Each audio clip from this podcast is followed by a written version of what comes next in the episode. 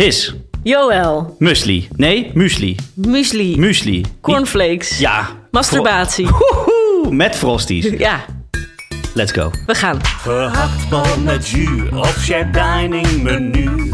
Makkelijke etens, kent u ons concept? Truffels en kokkels, calippo's en wokkel. Makkelijke etens, wat recensenten zijn gaar en al dente. Makkelijke etens, Hiske en Joël. Lever met uitjes, muis met beschuitjes. Makkelijke etens, lusten alles wel. We zijn er weer. Nou, His, daar zitten we. Nou, over muesli gaan we het hebben. Ja. En granola. Dat is ook een soort muesli, toch? ja, je moet me zo direct maar eens even het verschil precies gaan uitleggen. Dat ga ik doen. Ja. Maar ik zit hier wel met een zwaar gemoed. Een zwaar gemoed. Ja. Vertel. Nou ja, we gaan stoppen. Ja, we gaan stoppen. Hè, we gaan stoppen met makkelijke eters. Hiske heeft een ander. Ja. Nee, het is, ehm, ja, het, is, het is ons niet gelukt samen met eh, onze lieve vrienden van Meer van Dit... om deze podcast in de afgelopen drie maanden rendabel te maken. Ja. Daar komt het eigenlijk kort gezegd op neer. ja, het is best wel lastig, want we vinden het eigenlijk superleuk om het te doen. Mhm. Ehm, en, eh, maar het kost wel elke week best wel veel tijd om het voor te bereiden. Want wij dachten toen we begonnen van... oh, we gaan misschien net als Teun en Gijs gewoon een beetje voor de vuist weg kletsen. Maar eigenlijk bleek het veel leuker om toch elke week ook behoorlijk wat voor te bereiden over het onderwerp. Nou, het, het, het ligt ook niet helemaal in ons karakter om dan niet toch stiekem heel goed van tevoren nog even Nee, dingen te gaan uitzoeken. En nee, en vervolgens kwamen er dus wel oproepen van eh, sponsoren. En we zijn heel blij met de sponsoren die we, die we Zeker, hebben. En deze zeker. week hebben we ook weer echt een hele goede sponsor. Ehm, maar de meeste kwamen van bedrijven die met voedsel bezig waren. En dat was eigenlijk toch een beetje lastig af en toe voor ons om Nou daar ja, reclame voor te maken. van tevoren gezegd, we kunnen geen reclame maken voor dingen die met restaurants te maken hebben. En horeca, dat kan, dat kan echt niet, want Ja. daar schrijven we over. Ja, En eh, daarbij ook niet ehm, voor, voor merken van, nou ja, noem maar wat, koffie, chocola, daar schrijf ik ook wel eens over. Dus dat kan ik natuurlijk niet dan. nee. Ik bedoel, Ik dacht, wij gaan gewoon lekker Ja. reclames maken voor matrassen. Ik zag mezelf wel helemaal thuis op zo'n matras liggen. Maar die willen dus blijkbaar toch liever niet in zo'n niche-podcast over één onderwerp. Dus dat, nou ja, het is gewoon niet helemaal gegaan Nee. zoals we hoopten. ja, ik hoopte op dat die enorme shampoo-endorsement. ik zit hier elke, elke week met mijn haar maar die los. komt nog En een keer. Die, die komt gewoon nog een Nou keer. ja, goed.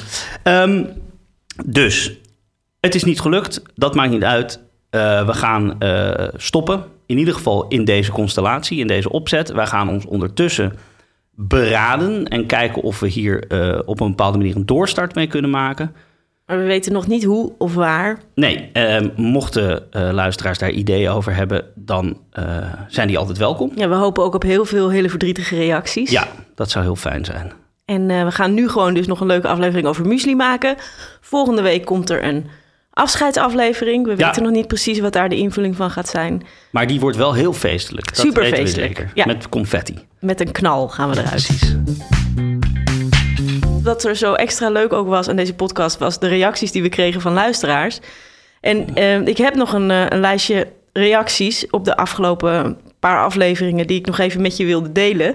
Ehm, ja, ik vond dat echt een van de leukere dingen van het maken van deze podcast... dat je echt zo'n kijkje ook in andere mensen hun keuken kon krijgen...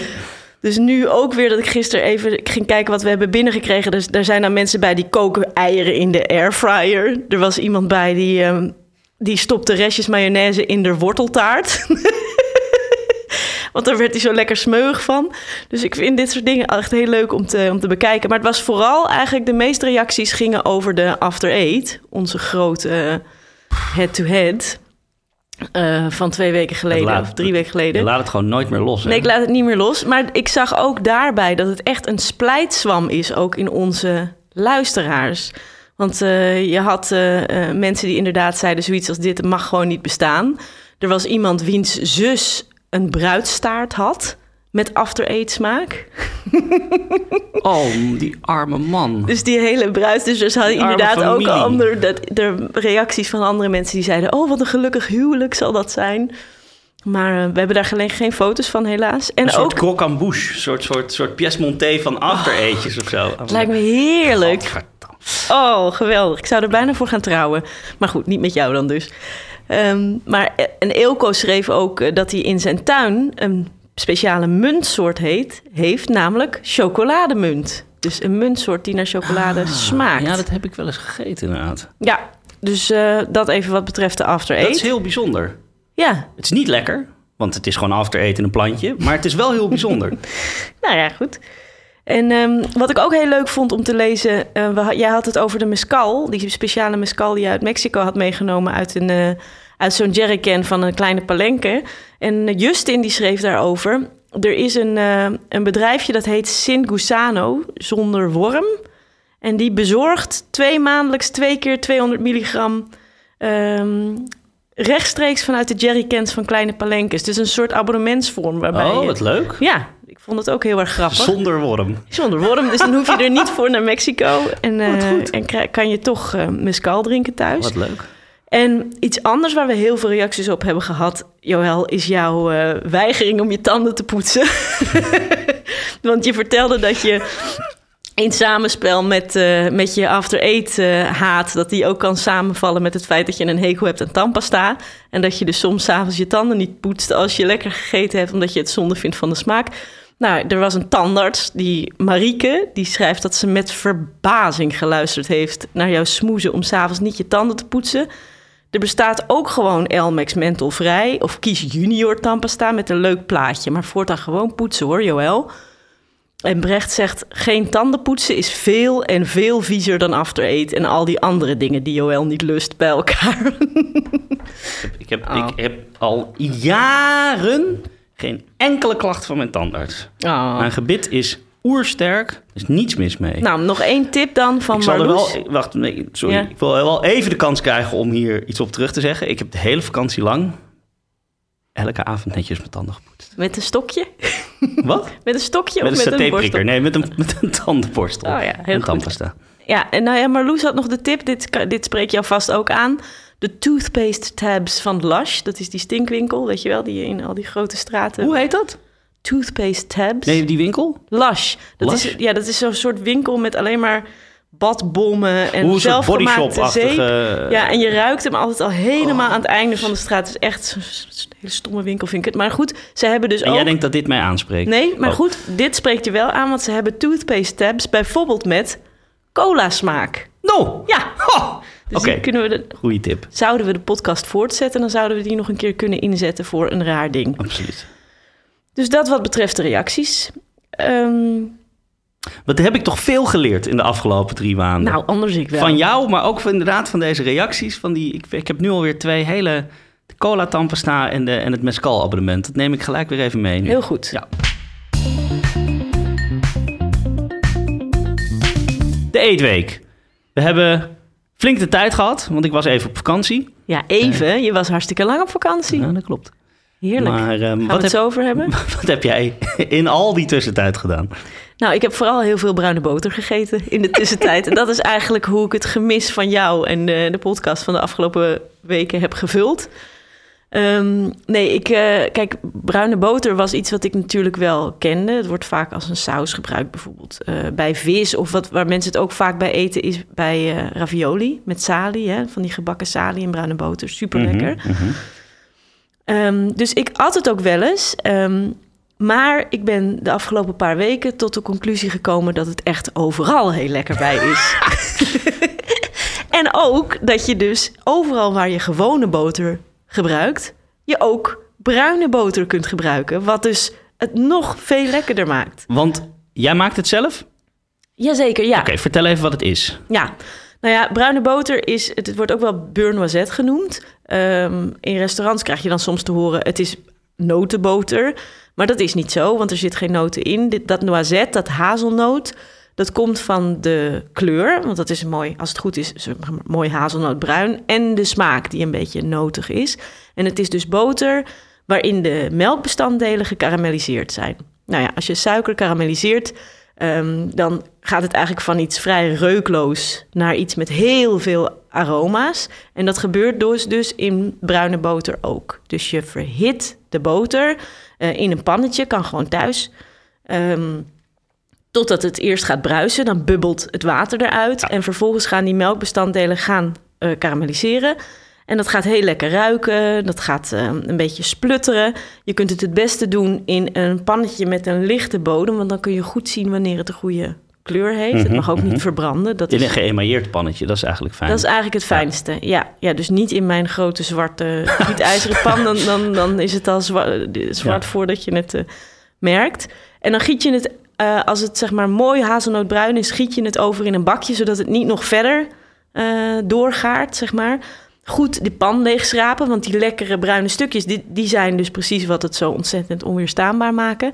En dan kun je het laten afkoelen en eigenlijk gewoon gebruiken waar maar je... jij eet het met die stukjes erin? Ja, Ah, oké. Want eh, zoals ik het geleerd had, zeg je, je, je zet de boter op, het water verdampt eruit, dan heb je alleen nog maar vet met die melkeiwitten en melksuikers. Die laat je bruinen, karamelliseren. Dat geeft een smaak af aan het vet. En vervolgens schuim je het af en je laat het staan en dan bezinkt het. En dan giet je het vet heel voorzichtig af, zodat je echt het pure, pure vet van de boter hebt, waar wel die smaak in zit. Hetzelfde. Oh ja.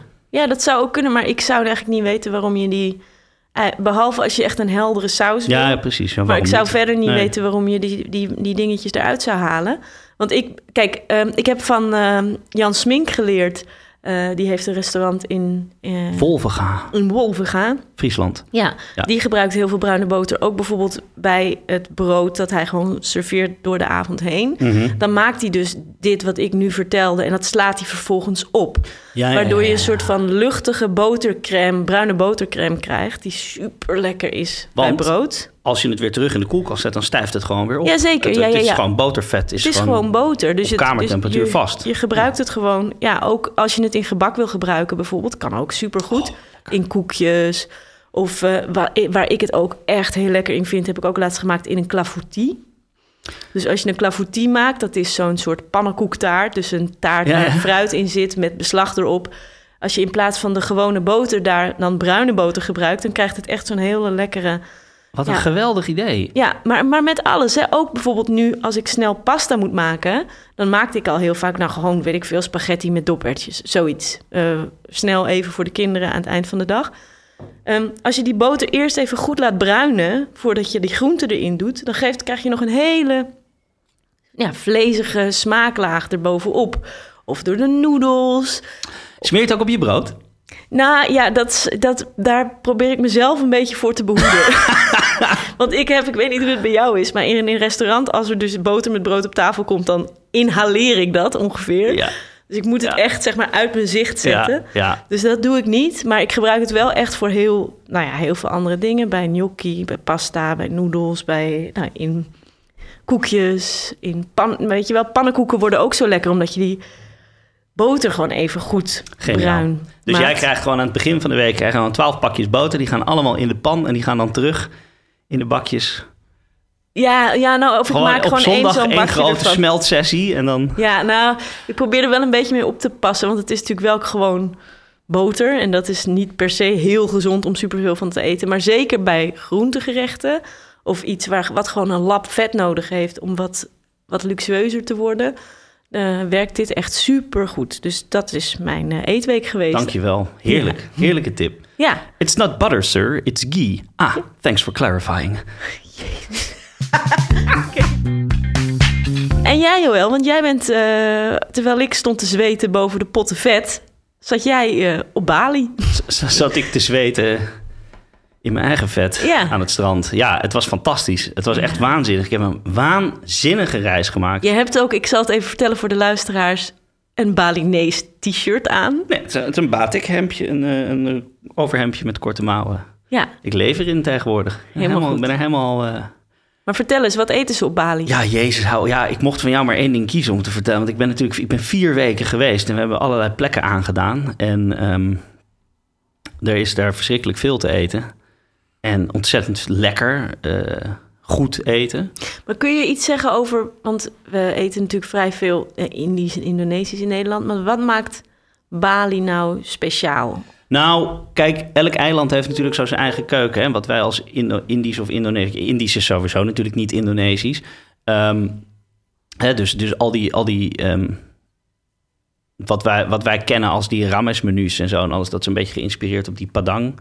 eh, ehm, eethuisjes. Maar dat, dat, dat kun je wel vinden op Bali, maar dat is niet echt Balinees. En je kan er, weet je, het is heel toeristisch, dus je kan er van alles vinden.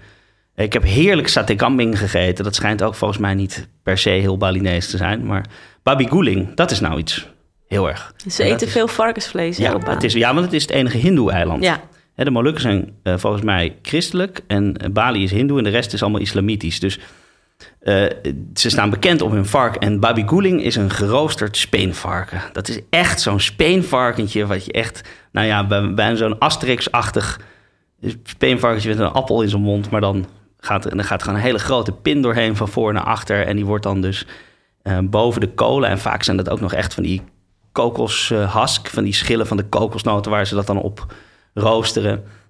En als je dan naar een, een, een eethuisje gaat, dan krijg je van alles van het varken, van het hele vark. Dus je krijgt dan een stuk van het knapperige vel, je krijgt wat lekker vlees van de achterbeel en je krijgt een... Er zitten heel vaak wat totaal kapot gefrituurde, nondescripte... Ik bedoel, het, het kan... Het zou van een anus tot kraakbeen tot een oor. Ik heb geen idee wat het is, maar het is allemaal eh, super knapperig. Ze doen ook niet echt aan cuisson eh, in, eh, in Indonesië. Alles wordt daar gewoon helemaal plat gestoofd en geroosterd en gekookt. Behalve bij dat ene tentje waar we gingen van noord naar zuid. En dan moet je in zo'n auto met chauffeur over zo'n kronkelend bergweggetje. En dan eh, zeg je tegen de chauffeur, ja, we moeten wat eten onderweg. Dus weet jij misschien nog een leuk tentje? Ja, ja, dat is goed. Nou, we stopten daar bij letterlijk een houten schuur op de rand van de afgrond. Waar een heel klein langwerpig grilletje stond. Want dat is ook de, waar ze dus saté kambing gingen maken. Saté kambing is dus saté van geit. Serieus nog nooit zoveel vliegen bij elkaar gezien. Oh. En precies daar lieten ze het vlees dan nog een klein beetje rood. oh ja. Dus dat was echt, we dachten echt als dit maar goed gaat. Ging het goed? Gelukkig ging het goed. Fijn. Ja. Nee, maar goed, oké. ik zal één ding. ehm saté is niet wat wij eten als saté. Saté zijn hele kleine stukjes die heel ehm, minutieus op het satéprikkertje geregen worden. Het moet ook vooral niet uitsteken aan de zijkant, want het idee is dus dat je het inderdaad over zo'n heel... Hè, ik- misschien ken je zo'n Japans tafelgrilletje. Dat zijn van die langwerpige kleine grilletjes. Er zit ook geen rooster op. Er zit alleen maar één randje aan de zijkant waar je het stokje op kan leggen. Het is de bedoeling dat er geen rooster tussen het vlees en de kolen zit. En de bedoeling is dat je het gewoon heel snel, heel heet, heel knapperig maakt. En dan moet het ook gaar van binnen zijn. Ja. Alles wat uitsteekt verbrandt. Dus het wordt helemaal getrimd. Moeten we die stokken met enorme stukken kippendij die wij hier als, als kip... Dat heeft helemaal niets te maken met de saté die je daar krijgt. Nee. Nee, Ehm, nee, mag ik daar iets over zeggen? ja, heel graag. Ehm, want eh, dit- dat saté, dat, het is... Ik hoorde van Vanja van der Leden, die heeft een prachtig boek gemaakt. Dat heet eh Indo-Rock. En ook nog een ander boek, dat heet Indo-Stok. Over en. Indo-Stok gaat, gaat over sa- saté, of saté, zoals zij Ja. zegt. Ehm, eh, en ik heb van haar heb ik, een saté-grill gekocht. Ah, Zij eh, heeft die gemaakt samen met een slimme ijzerbewerker. En dat is dus inderdaad een soort lange bak ja, op vier ehm, poten. Een soort, het ziet er eigenlijk uit als een soort eh, xylofoon, zeg maar. Dus een soort van lange bak waar je achter kunt staan. maar dan zonder de... Zonder grill, ja, precies. Ja. En, ehm, en wat zij dus, hoe zij dus die saté maakt... en ik doe het dus nooit meer anders... dus dat is echt de manier om saté te maken... is dat ze koopt kip met vel... Dat vel haalt ze van de kip af en ze snijdt de kip in hele kleine vliebertjes. Ja, zeg maar exact. echt in sliertjes. Ja. Ehm, die marineert ze met eh sojasaus en een beetje knoflook en een beetje palmsuiker. Ehm, en die, dat vel, dat kookt ze heel even kort. Dus gooit ze even kort in, in kokend water en snijdt ze daarna ook in plakjes. En dan rijg je dus aan stokjes die je even in het water hebt gelegd, want anders gaan ze verbranden. Rijg je dus om de beurt zo'n fliebertje vlees, eh, een soort van zigzagsgewijs, ja. en een fliebertje vel. Ja. En dan om en om. En het zijn kleine stokjes, dus het is nou ja 10 centimeter vlees of zo, kleine stokjes. En die grill je dan inderdaad op die grill. En dat is zoiets lekkers. Zoiets anders dan wat wij hier kennen als kipsaté. Dus dit ehm, nooit meer anders. Er is een video van waarop ze het laten zien op YouTube. Die zetten we in de show notes. Oké, heel goed. Ja, nee, nou ja, ik heb dus inderdaad kip van geit. Ehm, maar ik was op een, eh, op een ochtend ook uitgenodigd om daar met een chef eh, saté van Indische varaan te maken. Oh, As one does. wat is dat, een soort grote hagedis? Ja, ze noemen het in, in het Engels water monitor. Het is dus een varanensoort. Ziet eruit als een mini Komodo varaantje, misschien wel een beetje. Nou, ze zien er wel net iets anders uit. Maar het, is, eh, het zijn flinke jongens. Ze kunnen een, een kilo of twintig worden. Ik heb ze eerst nog even wel in mijn handen gehad in het Bali Reptile Park, een levende. Die mocht je daar gewoon optillen. En, ehm, eh, maar goed, anyhow, voordat dit een heel lang verhaal wordt. Ik had daarover verteld en die chef die zei... Oh ja, dat doen we hier eh, in het wild. Eten we die nog wel eens? Als je het leuk vindt, kan ik dat wel regelen voor je. Nou, dus zijn vriend had er een uit de boom geschoten. En eh, in Suriname noemen ze het boomkip ook, hè? Ja, want smaakt het naar kip? Mm, ik bedoel, ze hebben geen Indische varaan in Suriname... voordat we weer boze reacties krijgen. Maar hagedissen noemen ze boomkip en krokodilwaterkip. Of kaiman. Maar goed, anyhow, dat daar gelijk... Nee, ja, het is wit en het heeft niet superveel smaak van zichzelf... zoals kip. Vogels en reptielen zijn ook wel redelijk verwant aan elkaar. Het heeft wel wat ervan weg. Het is niet het meest malse stukje vlees. Je moet er wel op kou. Maar ik vond het dus eigenlijk heel erg lekker. En wat hij dus deed, was precies dit. Hij zei, snijd in kleine stukjes. Hij gaf er een, een klap op met een pan of met een hakbijls... om het inderdaad een beetje eh, al, al een sliertje van te maken... of wat dunner te maken. Je rijgt het op het stokje. En daarna deed hij het hele stokje met vlees en al... even dompelend kokend water, zodat het vlees doet. En dus een beetje samenkrimpt. En je dus echt zo'n lekker compact satéetje. En dan zou ik helemaal tot het puntje rijgen. Want dan verbrandt hij inderdaad. Dus hij deed het niet in water, het stokje. Maar als je hem gewoon vol rijgt tot het puntje... dan gaat dat ook niet verbranden. En daarna in de marinade. En het was, het was waanzinnig. Ja, Ja. super nice. Ja, Klinkt heerlijk, Joël. Oké. ik stop hier.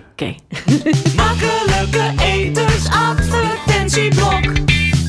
Die arme kinderen van ons, die moeten met dit zomerweer in het zweterige klaslokaal zitten. En als ze dan eindelijk thuiskomen, is het toch heerlijk dat er een kidsweek op de mat ligt... die je in de zon kunt doorbladeren. Ja, Kidsweek is een wekelijkse papieren krant die nieuws uit binnen- en buitenland bespreekt. Het serieuze nieuws wordt afgewisseld met leuke rubrieken als Raar maar waar, dierennieuws, moppen en puzzels. Bovendien komen kinderen regelmatig zelf aan het woord. En als je nu een abonnement afsluit, dan krijg je een doeboek cadeau. Daarin vind je de beste moppen, puzzels, weetjes, strips, quizjes, knutsels, tests en recepten uit de leukste krant van Nederland. En dat doeboek, dat kregen wij opgestuurd deze week. Die lag op de mat. En mijn dochter die heeft hem meteen voor de neus van mijn zoon weggeroust. En eh, is er hard in gaan puzzelen. Dus dat is superleuk. En ik had ondertussen de nieuwe Kidsweek... waarin ik geleerd heb over speurratten in Tanzania. Nou ja, dat lees je niet in de Volkskrant. Zou je daar saté van kunnen maken, vraag ik me dan af. Nou ja, de verhalen van topauteurs als Janneke Schotveld en Jacques Vriends maken het feest compleet. Lees Kidsweek nu voor maar 1,50 per week. Dat is 19,50 voor drie maanden. En krijg het grote Kidsweek doeboek cadeau.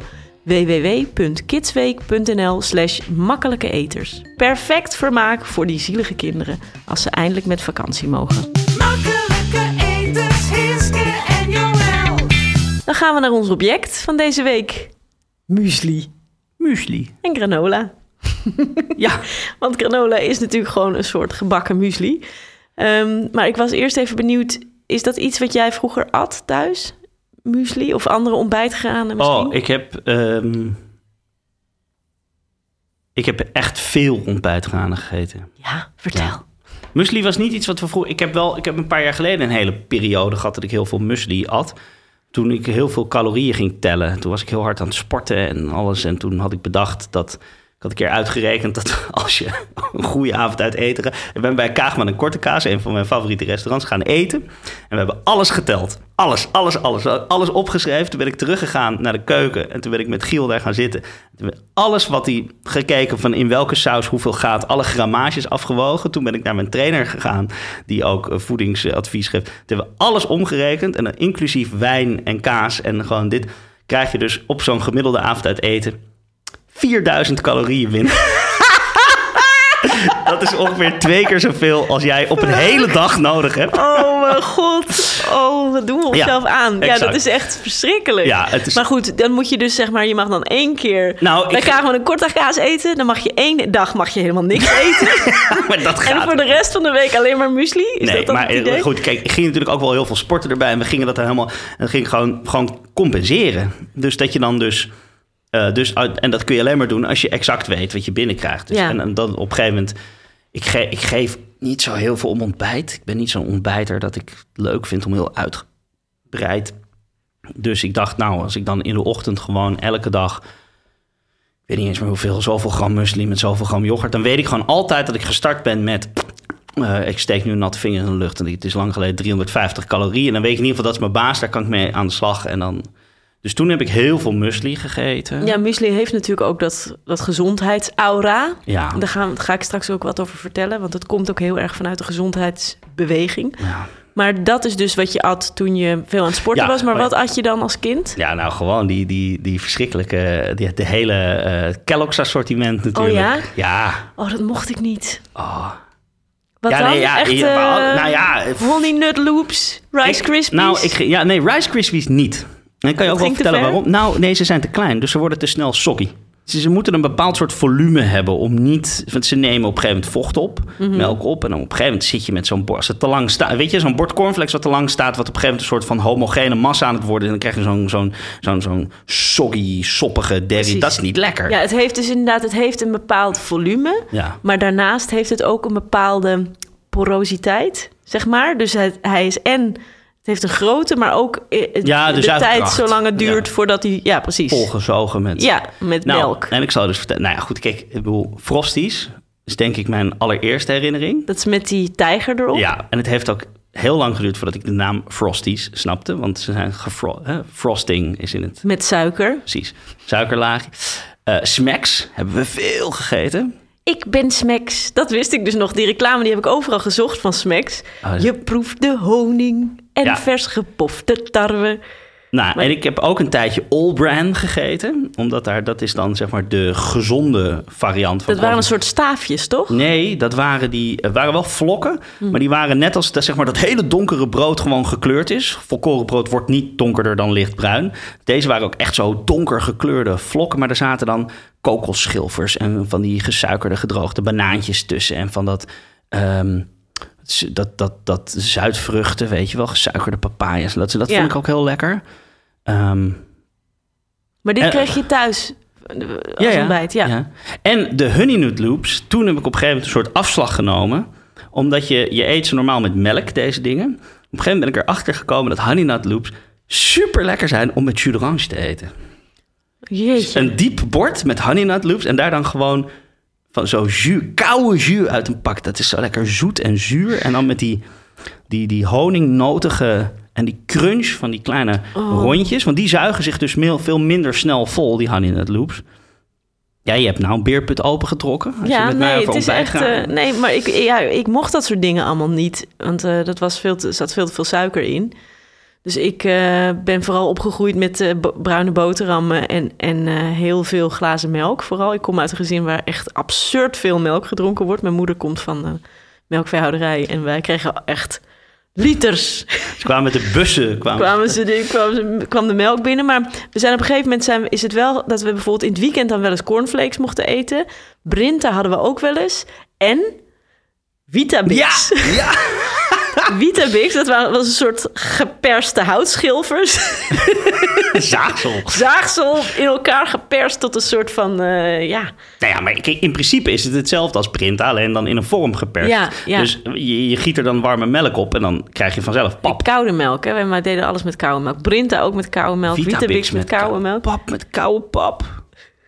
Oh, wat, wat heb je toch een nare jeugd Nee, de helemaal niet. Ja, ik Mocht vind het nog snoepen, koude pap Nou, eten. ik vond het nog steeds wel lekker hoor. Eén met koude chips. melk. Ja. nee, helemaal niet. Je Nee, mag maar zeker met- ook alleen maar VPRO kijken vroeger, of niet? Nou ja, ja, dat klopt. Wij kregen pas kabeltelevisie toen ik 14 was. nee hoor. Jij bent zonder Irene Moors opgegroeid. Ja, dat is zo. Ehm, nee, Vitabix was het leuke bij dat je dus... Je had dan die harde dingen, die lagen dan op de bodem van je schaaltje. En dan kon je dus... De melk moest je dan opschenken. En dan zo langzaam dat die melk er niet aan de zijkant afging. Dus het was een Ah. soort tovertrucje dat je... Het duurde Je dus maakte best er een lang. sport van. Ja, precies. Dus dat je zo weinig melk erop doet dat hij precies dat kan absorberen zonder Ja. dat het er doorheen sijpelt. En ik vind ook wel echt hoor, want mijn kinderen willen ook, eh, als we bij mijn schoonmoeder zijn in Engeland, die heeft dan ook altijd van die kleine pakjes eh, Rice Krispies en, ehm, en Frosties en dat soort dingen. Eh, Maar het is zo ongezond dat ik er ook wel wat voor te zeggen vind om het echt alleen maar iets voor verjaardagen te, Ja, ja. te doen. Nee, mijn mijn zoon die was laatstjarig en die wilde toen heel graag Pops. Dus toen kreeg ik Coco Pops. Oh, dat is met die beer, hè? Die groene pak met die beer is dat, of niet? Oh, nee, is die aap, nee, het is een aap, ja. En het zijn chocolade Rice Krispies, zeg maar. Ja, precies. Je hebt ook choco, van die grotere choco dingen met een beer. Die zijn dan eigenlijk toch weer naar, zeg maar, eh, absorptie, eh, volume ra- ra- rato is dat toch, zijn die toch beter. Ja, oh ja. Maar die kleine pakjes waar jij het net over, die waren inderdaad, dat, die had je dan alleen op de camping of ja, in van die vakantiepakjes. Ja, en dan hotel. vijf verschillende Oh, soorten. Fantastisch. Ja, ja, daar was ik ook wel dol op, ja. En, maar krijgen jouw kinderen dat dan ook? Die eh, Maar reis... kinderen zijn heel klein nog, hè? Ja, Nou, ik zal je zeggen, nou, ehm, we zaten op een gegeven moment in de laatste drie dagen eh, van onze eh, avontuur op Bali in zo'n klassiek resort gaan zitten. Maar dan dus even door de, de grote, dikke, witte lijven heen moet kijken. Maar daar hadden ze een kidsclub. En na drieënhalve week zonder oma, oppas en speelgoed hadden wij zoiets van, nou jongens, zullen we onszelf dat even gudden nog, drie dagen? ja. En, eh, en dus zaten we in zo'n resort met zo'n echte ontbijtbuffet en dat soort dingen. En daar heeft hij voor het eerst nu cornflakes gegeten. Maar Ja. thuis krijgen ze in principe gewoon een boterham 's ochtends. Ja, ja. Nee, cornflakes, eh, dat kregen wij dus ook wel. Ik vond een leuke reclame voor cornflakes eh, uit 88. Ik heb drie kinderen en die gaan bij mij niet de deur uit zonder een lekker eh, Kellogg's cornflakes ontbijt. Het is eigenlijk het enige wat ik in huis heb. Kellogg's cornflakes en die melk. En dan doe je er dan op en dan, ja, dan knikt het zo lekker. Kellogg's cornflakes is een goed ontbijt en toch licht. Het is niet te omschrijven. Het is een gevoel. Kellogg's Cornflakes, het lekkere lichte ontbijt. Kellogg's cornflakes is niet te omschrijven. Het is een gevoel. Ja, er kwam alweer een andere reclame achteraan. Nee, maar dit was dus ja, een, een soort voxpop eh advertentiespot. Ik heb eigenlijk niks anders in huis. eigenlijk niks anders in huis. Het is een gevoel.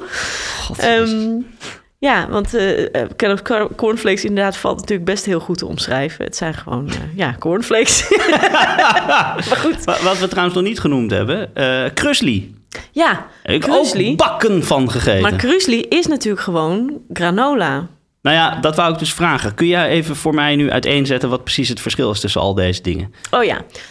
Ehm, nou, dat zal ik dan doen in mijn soort van algemene verhaaltje... waarin ik ook wat meer vertel over de geschiedenis ervan. Want Ik ga even ga jij even zitten. achterover zitten. Ehm, je hebt eigenlijk... komt zowel de cornflakes... als je de twee grote families hebt, zeg maar, binnen de ontbijtgranen... dan komt vooral, zowel de cornflakes als de muesli... en de neef van de muesli, de krusli of de granola... komen eh, vanuit de gezondheidsbeweging. En vanuit eigenlijk twee grote reformbewegingen... die er op dat moment waren. Namelijk één eh, in Zwitserland... van een man die heette Birger Brenner... Ehm, en daar, die dus ook de uitvinder is van de Bircher Muesli... zoals dat eh, in, eh, in de Engelstalige landen wordt, wordt Nog genoemd. nooit van gehoord. Echt niet? wat je Bircher muesli? Bircher muesli? Ja, Beertje Muesli was een paar jaar geleden heel populair als overnight oats. Eh, waarbij je dus havervlokken samen met fruit of met melk of eh, plantaardige melk of zo... een nacht in de koelkast laat staan. Waardoor ze zich volzuigen en je ze dus zeg maar rauw kunt eten. Als En- zo'n vieze soggy pap. Nou, er zit nog best wel veel structuur in omdat het niet gekookt is. Ah, oké. Dus eh, je, had, je had dus eh, Maximilian Biergerbrenner. Dat was een dokter en die had een, een sanatorium eh, ehm, in, bij, in Zurich... waar mensen naartoe gingen die zich niet zo goed voelden... en wel heel veel geld hadden. En die gingen daar dan ehm, gezonde dingen eten en heel veel sporten... en heel veel berglucht opsnuiven en ehm, werden daar dan beter van.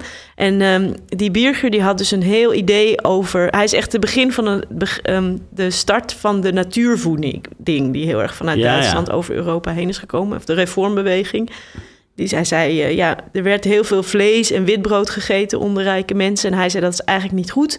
Je moet eh, vegetarisch eten, volkoren producten, groente en fruit. En het grappige is dat als je gaat kijken naar, in Delver bijvoorbeeld... naar hoe er over gesproken wordt, eh, over die beweging... dat er, dat, kijk, aan het begin van de 20e eeuw... wisten mensen bijvoorbeeld nog helemaal niet... dat er zoiets als vitamines bestond... Dus alleen al het idee dat je een kind fruit zou geven. daarvan zeiden mensen. Er werd echt gezegd. eh, nou, in, in tegenstelling tot wat de meeste mensen denken. is fruit voor kinderen helemaal niet ongezond. dus er werd eigenlijk. eh, de- hij was eigenlijk een van de eerste die dan zei. ja, je moet van die complete producten. Niet alleen maar vlees en eh, dat soort. Mhm. Dus hij bedacht eh, in zijn resort een soort hapje... wat voor elke vegetarische maaltijd werd ehm, geserveerd in een bakje. En dat was een soort moesje van appel met dus van die geweekte eh, granen, eh, een beetje gecondenseerde melk en een beetje citroensap. En dat noemde hij een moesje of een muesli in het Ah. Zwitsers. Oh, dus een soort reformamuse was Ja, het het is een soort, ja, precies. Ja, en het is dus ook muesli en geen musli. Want, Muesli. want een musli is namelijk Zwitsers voor een muisje. het is een moesje, een muesli. Muesli. Ja, precies. Dus, de, dus die mensen die aten dat allemaal en de muesli ging de wereld over als een soort nieuwe manier van gezond eten. En uiteindelijk werd het dus een ontbijt. Maar dat was het dus in eerste instantie niet. En eigenlijk parallel aan die biergeur had je in Amerika een andere gezondheidsbeweging die er een beetje op leek. Namelijk van een man, een dokter, die heette John Harvey Kellogg. Mhm. Ehm, die had een heel groot eh, sanatorium, dat heette ehm, Battle Creek Sanatorium. En daar gingen ook heel veel rijke mensen naartoe om gezonder te worden. Onder andere allerlei presidenten en Edison en al- allemaal bekende Amerikanen die zijn er naartoe gegaan.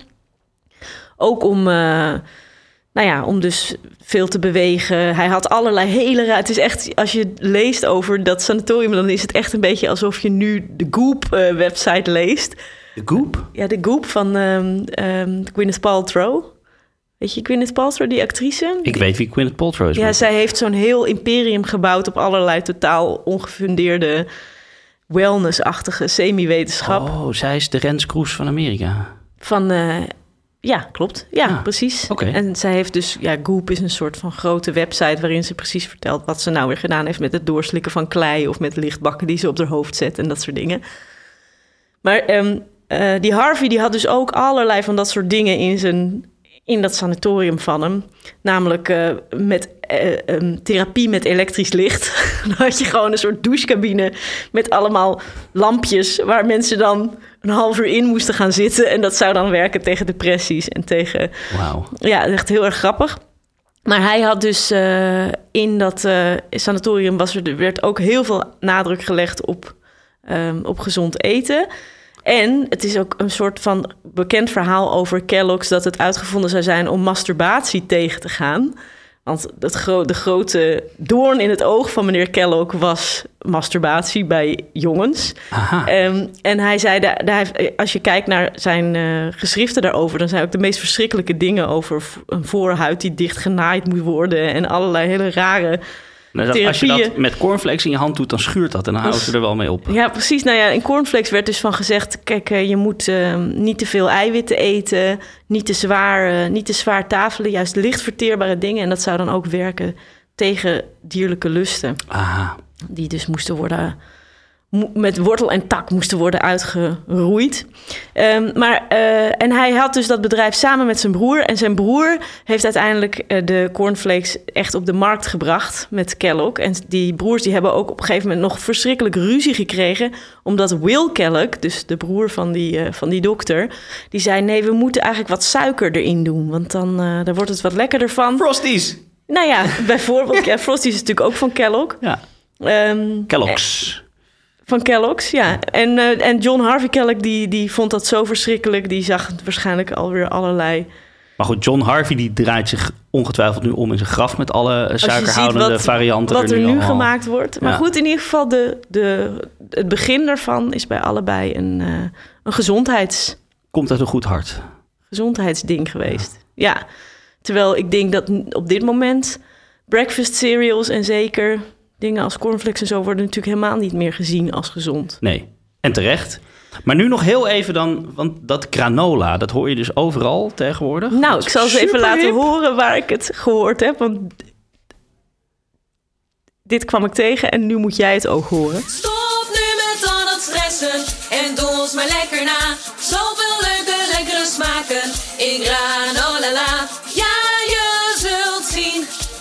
is een topontbijt. Kom eet maar op, dit moet je proeven.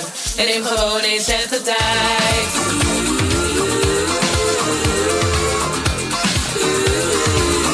Ontbijten doe je met granola.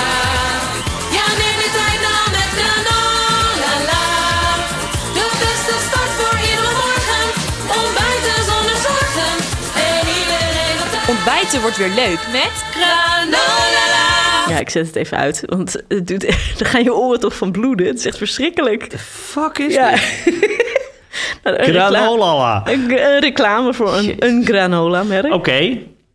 Maar ik, dit, is- ik zie het vooral de hele tijd voorbij komen. Allemaal gezondheidstypes die het zelf maken. Ja. ja, nee, dat is ook zo. Eh, ja, granola is eigenlijk gewoon gebakken ehm muesli. Dus het zijn eh, granen, nootjes en pitjes door elkaar. Die gooi je in de oven, vaak met suiker, want daar wordt het lekker knapperig van, want het gaat karamelliseren. Maar eh, het wordt ook wel gemaakt bijvoorbeeld met een beetje eiwit erbij of met wat, ehm, eh, wat fruit. Want dat bindt ook lekker. Ik heb ehm, Maar wacht even, want muesli zijn, vlok, zijn eh, granen of havervlok of dingen die, die dan geplet zijn.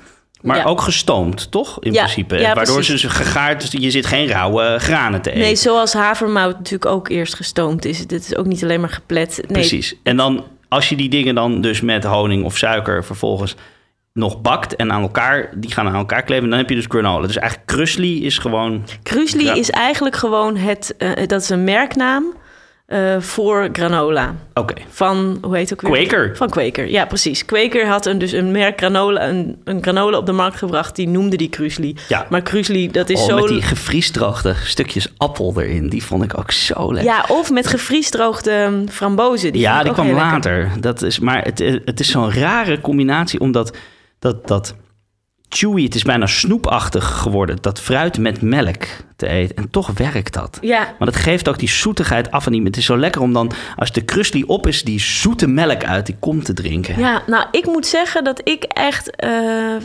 niet zo heel erg hou van gedroogd fruit in mijn krusli of muesli. En ook dat me dus deze week opviel dat in de gewone muesli, zeg maar, dat er nu veel meer rozijnen in Ja. zitten dan vroeger. Echt zoveel rozijnen.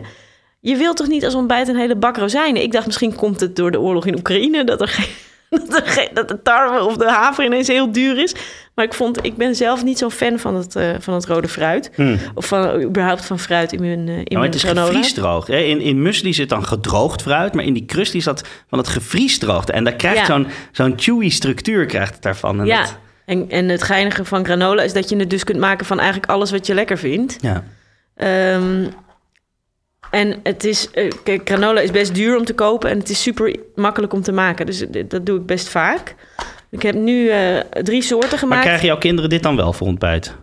Ja, Maar dit lijkt me niet veel gezonder dan, dan eh, de gesuikerde, voorgesuikerd. Dit is toch ook gesuikerd? nee hoor, nee, hier zit, nou ja, er zit een klein beetje ahornstroop in, maar verder geen suiker. Oh ja, Ehm, maar dat, ja. Nee, maar een klein beetje. Niet, niet, Oké. niet een heleboel. Eh, kijk, als je, als, je, als je granola koopt bij de supermarkt... is het vaak ongeveer 20, 25 procent suiker. Mhm. En, en eh, dit is echt een scheutje op een hele plaat. Nou, Kijk, nou, ik heb drie soorten. Ja, Dit, eh, twee hartige en één zoete. hartig. Ja, want Voor ik, ontbijt? ja, want ik hou dus heel... Dit, dit wilde ik dus nog vertellen. Ik hou dus heel erg van hartige granola. Ehm, dit is een recept van Alison Roman. Dat heet ook Decidedly Savory eh, granola. Ehm, dit is met veel... oh, eh, ik zie al eh venkelzaadjes ja, zitten. er zitten ook wat, wat kruidjes en zo in. Venkelzaad en een beetje karwei. Zonnebloempitjes en amarant. En ik maak Oh. het ook altijd best wel zout. Er zit ook sojasaus in en eiwit om het te laten plakken. En dit is een eet beetje ik... pittig ook. Ja, en er zit veel zwarte peper in en veel poolbiber, dus eh, Aleppo peper. En eet je dit dan met, met melk? Nee, ik eet dit met yoghurt en komkommer. Als een soort eh, tzatziki ontbijt dan Ja. eigenlijk ergens. En het is dus ehm, een heel klein beetje zoet, maar vooral hartig en Oh. pittig. En waar is dat kleine beetje zoet dan van? Van een beetje ahorn. Oh, oké. ja, ja. Een beetje ahornstroop. Oké. Ehm, dus dat is een, har- een, een hartige van Alison Roman. Deze is van Vanja van der Leden. Vond ik ook heel leuk. Die had ik nog nooit gemaakt. Dit eet je niet echt als ontbijt, maar meer over een salade heen of in een soep. Dat is een kaasgranola. Ik zie eh pistachenootjes. Ik zie zonnebloempitjes. Ook ik zie weer een ook beetje wel wat karwei. ge, ge- geplette vlokje ergens hier of zo. Ja, in alle drie zit ook eh, havermout. Oh, ja. En deze is dus met kaas. eh, en die is heel verslavend. En Ah. Vanja van der Ah. Leden heeft dit dus gemaakt in haar boek. Zij, Vanja heeft een boek gemaakt dat heet Insane. Met een soort halfgezonde gerechten eh, erin. Maar ik vind het altijd zo lastig van dit soort dingen... dat ze dan zeggen van... ja, doe er gewoon een beetje van over een sla. als een lekkere crunch. Maar als ik dit in huis heb, dan eet ik het gewoon Eet het allemaal gewoon op. als snack, tuurlijk, ja. Maar dit is eigenlijk een soort mengsel tussen doeka en, eh, en een kaaskoekje. Ja, nou ja, en het doet het dus echt heel goed. Gisteren heb ik een klein beetje ervan over een pasta gedaan, maar je kunt het heel goed over een salade doen of in een soep. Ja. Maar ik zou dit niet in mijn yoghurt eten. En dit heb ik gisteren zelf. dit heb ik gisteren zelf verzonnen, dus daar ben ik best wel trots op. Want ik, eh, uiteindelijk, toen ik deze twee had gemaakt, was ik wel een beetje door mijn, ehm, door mijn pitten en zaden heen. Dus die heb ik gemaakt met quinoa, eh, En? ehm, pindakaas en banaan. ja, Dus dan gebruik je eigenlijk die banaan voor het eh, zoet maken en het, eh, de Elvis het, Presley granola. en het plakken. Ja, dit is echt Elvis Presley granola. Heerlijk. Met, eh, en dit vonden mijn kinderen dus ook heel lekker 's ochtends. Nou, maar dit is wel, dit denk dat dit met yoghurt echt fantastisch is. Ja, ja, en pindakaas en banaan dus. En een beetje kaneel. Ja. Dus Leuk. Het is heel leuk om te doen. Heel Want leuk. Het is echt zoiets wat, je, wat, wat ik iedereen echt ontzettend aanraad om zelf te gaan maken. Want je kunt het gewoon helemaal naar eigen smaak inrichten. Het is echt heel makkelijk. De, de hele truc is dat je de oven vrij laag zet. Zeg maar 155, 160 graden. En dat je dus eigenlijk alles wat aan noten, granen, pitten, kruiden, specerijen... Gewoon wat je lekker vindt. la opschonen. Alles En- eruit en alles door elkaar met iets wat een beetje plakt. Dat kan dus suiker zijn, eiwit of fruit. Ehm, met die banaan ging eigenlijk super goed. Dat had ik nog nooit gedaan. Dan ging, daar, daar wordt het ook een klein beetje chewy eh, van. En dan eh, gewoon ja, bakken. Eh, Ook de hoeveelheden maakt niet zo heel erg veel uit. Maar je mag er dus niet bij masturberen. Nou ja, dat, dat mag overal bij in principe. Maar ehm, het hoeft niet. Makkelijke eters, wat een goed recept. Een raar ding. Eh, we hebben een heleboel rare dingen binnengekregen. Eh, ik wilde je op één even wijzen, omdat het zoiets raars was dat ik er zelf heel erg om- om moest lachen. Namelijk Amber Peters, die stuurde... We hebben een aparte traditie in de familie qua eten. Wij eten bami met leverworst en bietjes. Holy mother. maar ze schrijft ook consequent Bami met een hoofdletter. Ja, dat vind ik ziet ook er wel zo, leuk. he- Het ziet er heel raar uit. Nee, ik vind het juist heel grappig. Hoe maak je het? De mie koken en kruiden met bami kruidenzakje van de Improba. Kip erbij bakken, goed gekruid en een klein groentepakketje. Als de bami klaar is, serveer je het met koude bietjes uit een pot en plakjes leverworst. Ja, we hebben het helaas niet kunnen namaken hier. ehm, maar ik vind het wel heel leuk Ja, altijd vind je het dat jammer? je... Vind je het heel jammer? Nou, vind ik wel jammer. Maar ik vind het zo grappig dat... Nou, maar ik denk dat heel veel families hebben wel gewoon een soort van... vanzelf gegroeide rare combinaties. Ja, dit klinkt voor mij echt als een, als een vrij bizarre combinatie Nou, zo. ik, het weet je, het enige wat ik een beetje raar hier aan vind, zijn die koude bietjes. Want ik kan me heel goed, kijk, die eh, kruidenzakjes en pakjes bij de bami en de kip en de weet ik veel wat, zitten natuurlijk gewoon ramvol met zout en MSG. En dat maakt alles lekker. En Ja. waarom niet met le- Ik bedoel, het is gewoon hartig, het is zoutig, het is leverworst is ook hartig. En ik bedoel, ik snap dat best. Maar ik vind het leuk om te bedenken hoe zoiets dan ontstaan is. Want die, die, die, die- je maakt gewoon bami met kip. En dan denk je, goh, wat, kan- er moet misschien nog wat bij. Nou ja, we hebben nog wat leverworst. En dat, en dat werkt dan goed en wordt dan een soort familietraditie. Ik vind dat soort dingen altijd heel grappig. Maar Oh. in ieder geval, dat hebben we dus Ja. niet nagemaakt. Maar ik heb iets bij me. En ik ben dus benieuwd of jij weet wat het is. Deze werd me dus... ehm, deze werd me dus eh, eh, aangedragen door Job Kramer. En die, die, Je hebt hem ook gewoon niet in het draaiboek gezet, zodat dat een verrassing. Oh, is dat een citroen in een eh, theedoek? Het is een citroen in een theedoek. Ja. En weet je wat erop ligt? Ik moet even mijn bril opzetten. Het ziet er een beetje uit als bassieworst. Nee, eh, wat ligt erop? Mag ik ruiken? Ja, je mag er ook, ook proeven. Ik heb er zelf nog niet aan gelikt. Het is een eh, citroen in een theedoek. Oh, wacht even, wacht even. Het, het ruikt muntig. Maar, en ik moet er gewoon aan likken? Ja, Ik moet er ook in knijpen? ja, dat, ja, ja, Ja? Ja. En sabbelen. ja, dat is het ding. Dit is heel raar, want die citroen is namelijk best wel groot. Als hij in het midden, hij is in het midden dwars doorgezet. Dus Nou, wacht hem hele mond... Voordat je proeft, Ja? voordat je proeft we- ken je dit? Weet je waar dit, ken je dit ergens van? Nee. Ik, ik, ik, ik kom niet in deze... eh Nou, het is een citroen in een theedoek met eh, twee pepermuntjes erop. Gadverdamme. En dat is iets wat niemand ooit eet, behalve iedereen bij de avondvierdaagse. Maar jouw kinderen zijn nog te jong om de avondvierdaagse te lopen. Maar ik ging dus dit jaar de avondvierdaagse lopen met mijn kinderen. En wat schetst mijn verbazing? Al die kinderen lopen dus met een citroen of een sinaasappel, een halve citroen of sinaasappel in een doek met twee pepermuntjes erop. En die lopen allemaal eraan te lurken. En ik was dus totaal vergeten dat het bestond. Maar toen ik vroeger avondvierdaagse liep, 30 jaar geleden, toen had iedereen dat dus ook al. Maar ik vraag me dan af, waar komt zoiets nou vandaan? Maar ik, ik vraag me af, waarom zou je in godsnaam de avondvierdaagse gaan lopen? Oh, dat is toch leuk? Wat is daar nou in godsnaam? Ik, heb dat echt, ik begrijp er helemaal niet. Wat is nou leuk om met z'n allen te gaan een stuk te gaan wandelen Oh, ja. zonder doel, zonder... Ja, nou ja, ik vond het altijd wel leuk. Ik vond het dit jaar ook wel weer leuk. Maar ik ben dus. Ja, maar, maar leg dan uit wat daar leuk aan is. Ja, ik hou op zich wel van wandelen en het is ook wel gezellig. En die kinderen die zijn een beetje met elkaar aan het huppelen en die roepen "Hm, onze school is oké, olé. En, en hoe enthousiasmeer je een kind om een heel stuk te gaan wandelen? Nou, met een halve citroen met pepermuntjes dus. oké. Want die kinderen worden daar helemaal lijp van. Die willen dat allemaal heel graag elke dag hebben. Maar ik vraag me dus af, misschien is er iemand van onze luisteraars... want ik kon het dus nergens vinden waar deze bizarre traditie vandaan komt. En dat vroeg Job zich dus ook af, Job Kramer... die dus, met, die dus ook kwam met dit object, met die halve citroen. Het heeft ook geen naam... Eh, het, heeft ook, het heet niet een, een lurkdoek of zo, zou je kunnen zeggen. Die doet er super lang mee, want iedereen die zit dus alleen maar... Maar wacht even. Oké. Eh, allereerst, is dit een schone doek? Zeker. Oké. En de bedoeling is dus dat ik... Is het de bedoeling dat ik, hem, dat ik er gewoon zo met mijn tong als een, als een ijsje aan lik? Nou ja, het is meer is- een beetje zuigen. gewoon zo- Beetje- het, is een, ja, het is echt een beetje lurken. Tijdens het lopen is het dan.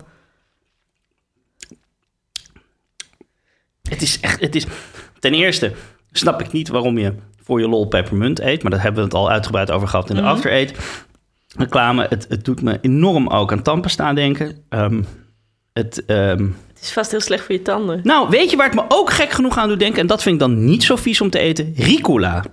Van die kleine zuigsnoepjes die Ja. altijd een beetje zo kruidig en, en, en dan de gele zijn dan citroenig. Maar waarom, wat, wat heb je hier aan tijdens het lopen? Ja, ik denk dus dat er een keer een hele slimme moeder is geweest. Die heeft bedacht, oké, die kinderen willen heel graag heel veel snoepen tijdens die avondvierdaagse. Ze willen graag tijdens het lopen ergens mee vermaakt worden. Ehm, maar ze mogen geen, eh, niet de, anderhalf uur lang eh, lollies eten. We kijken wat we in huis hebben of er een andere manier is. Want dit is wel, kijk, twee pepermuntjes, daar doe je dan dus ineens vijf kilometer mee. Ja, maar dit is toch, wat is hier lekker aan? Het is heel zuur, want het is citroen. En het is pepermunt, wat geen fatsoenlijk mens voor zijn plezier eet. Want het is geen snoep, het is namelijk niet fijn en prettig. En zo. Het is, het, ik vind het... Ja, het is, maar ik vind het, maar ik dacht misschien ken je het, of misschien is er iemand van onze luisteraars die dan volgende week kan is wel laten weten waar het vandaan. Nou, dat is het. Het is, het is, het is best heel lekker. Nee, maar is het, heeft het iets te maken? Het heeft dus niks te maken met je vochtbalans tijdens het wandelen op peil houden of wakker blijven. Ik zou me of- kunnen voorstellen dat je dus dat, dat zure, dat dat spe- je speeksel op gang brengt en het werkt tegen de dorst of zo. Ja, maar nou, zo, ik, dat. Maar je, je deelt er niet mee. Je moet wel je eigen. Nee je, moet, nee, je moet wel, zeker in deze tijden van een nieuwe coronapiek, moet iedereen zeker zijn eigen lurk. Je eh, wil geen doen. hapje? Nee, nee, nee, dank je. Fascinerend. Weet- fascinerend. We horen er graag meer over. Makkelijke etens, en Joël. Rest ons nog één ding. Het mislukte gerecht. Het mislukte gerecht. Hoera, we hadden weer heel veel eh, vragen binnen en eh, we hebben die uitgekozen van eh Birgitta van Langeveld. Die stuurde ons een bericht via eh, Instagram. Dat kan ook nog, hè, ook voor volgende week nog. Ze stuurde, ik ben dol op gepocheerde eitjes. Nou, dat treft, want dat zijn wij ook. Zeker. En zeker ook met Hollandaise saus. Houden wij ook erg van. Maar het lukt me nooit om een mooi samenhangend ei te krijgen. Eindeloos how-to's van chefs gelezen. Ik weet niet hoeveel filmpjes op YouTube gekeken. Minstens 100 eieren in het water laten zakken. Maar ze komen er altijd als vlieberige zeemonstertjes uit. Ja, ehm, een gepocheerd ei is dus inderdaad een ei dat je laat zakken in water dat net onder de kook is. Ja. En het gebeurt inderdaad vaak dat zo'n ei dan gaat uitlopen, waardoor je allerlei slierten krijgt. En Ja. dat is dus wat zij hier ook laat zien. Ehm, er zijn verschillende trucjes voor om dat beter te doen. Maar Brigitta die kent die trucjes ook al. Want ze schrijft, ja, ik maak een mooi draaikolkje. Ja, een beetje azijn erin. Want eh, als je wat azijn in het water doet... dan zorgt dat dat de buitenkant beter stolt. Ja. Ehm, en maar ze zegt, in de, is het de grootte van de pan misschien? Hoeveel water? Ik wil hem het liefst puur, dus geen ingevette folietjes. Enig idee of moet ik nog maar even door oefenen? Ehm, ja, gepocheerde eieren zijn echt zo'n eh, restaurant ding... wat eh, heel veel mensen heel moeilijk vinden om thuis na te doen. En dat komt ook omdat er best wel veel factoren zijn die voor het succes of het mislukken ervan kunnen zorgen. Maak jij het wel eens thuis? Hmm, ik heb het wel eens gedaan, ja. Ehm, en ik denk dat hetgene wat ik Brigitte hiervoor als eerste zou willen meegeven, wat echt het allerbelangrijkste is voor gepocheerde eieren, is dat je hele verse eieren hebt. Ja, je kan het zien als je een ei breekt en gewoon op een bord eh, eh, uit de schaal laat glijden. Kun je zien aan een ouder ei loopt dat eiwit onmiddellijk, zeg maar als soort van, is heel waterig geworden, loopt onmiddellijk weg naar de zijkant van het bord. En een heel vers ei blijft het eigenlijk toch zo'n soort van in een soort cirkel bij elkaar zitten. En dan Ja. kun je dus al zien dat, eh, dat er veel meer stevigheid en eh, dat het veel vaster is, het eiwit. En dus blijft het in je pan met water ook Ja. veel beter rondom die dooier zitten. Want een ei bestaat uit een dooier. Een ge- daarvan weet iedereen, hè? een gele dooier. Maar, ei- maar eigenlijk zit om die dooier heen zit nog een membraan... waarin het wit eh, wordt vastgehouden eh, binnen de schaal. En dat inderdaad allebei die membranen... die worden slapper als die eieren ouder worden.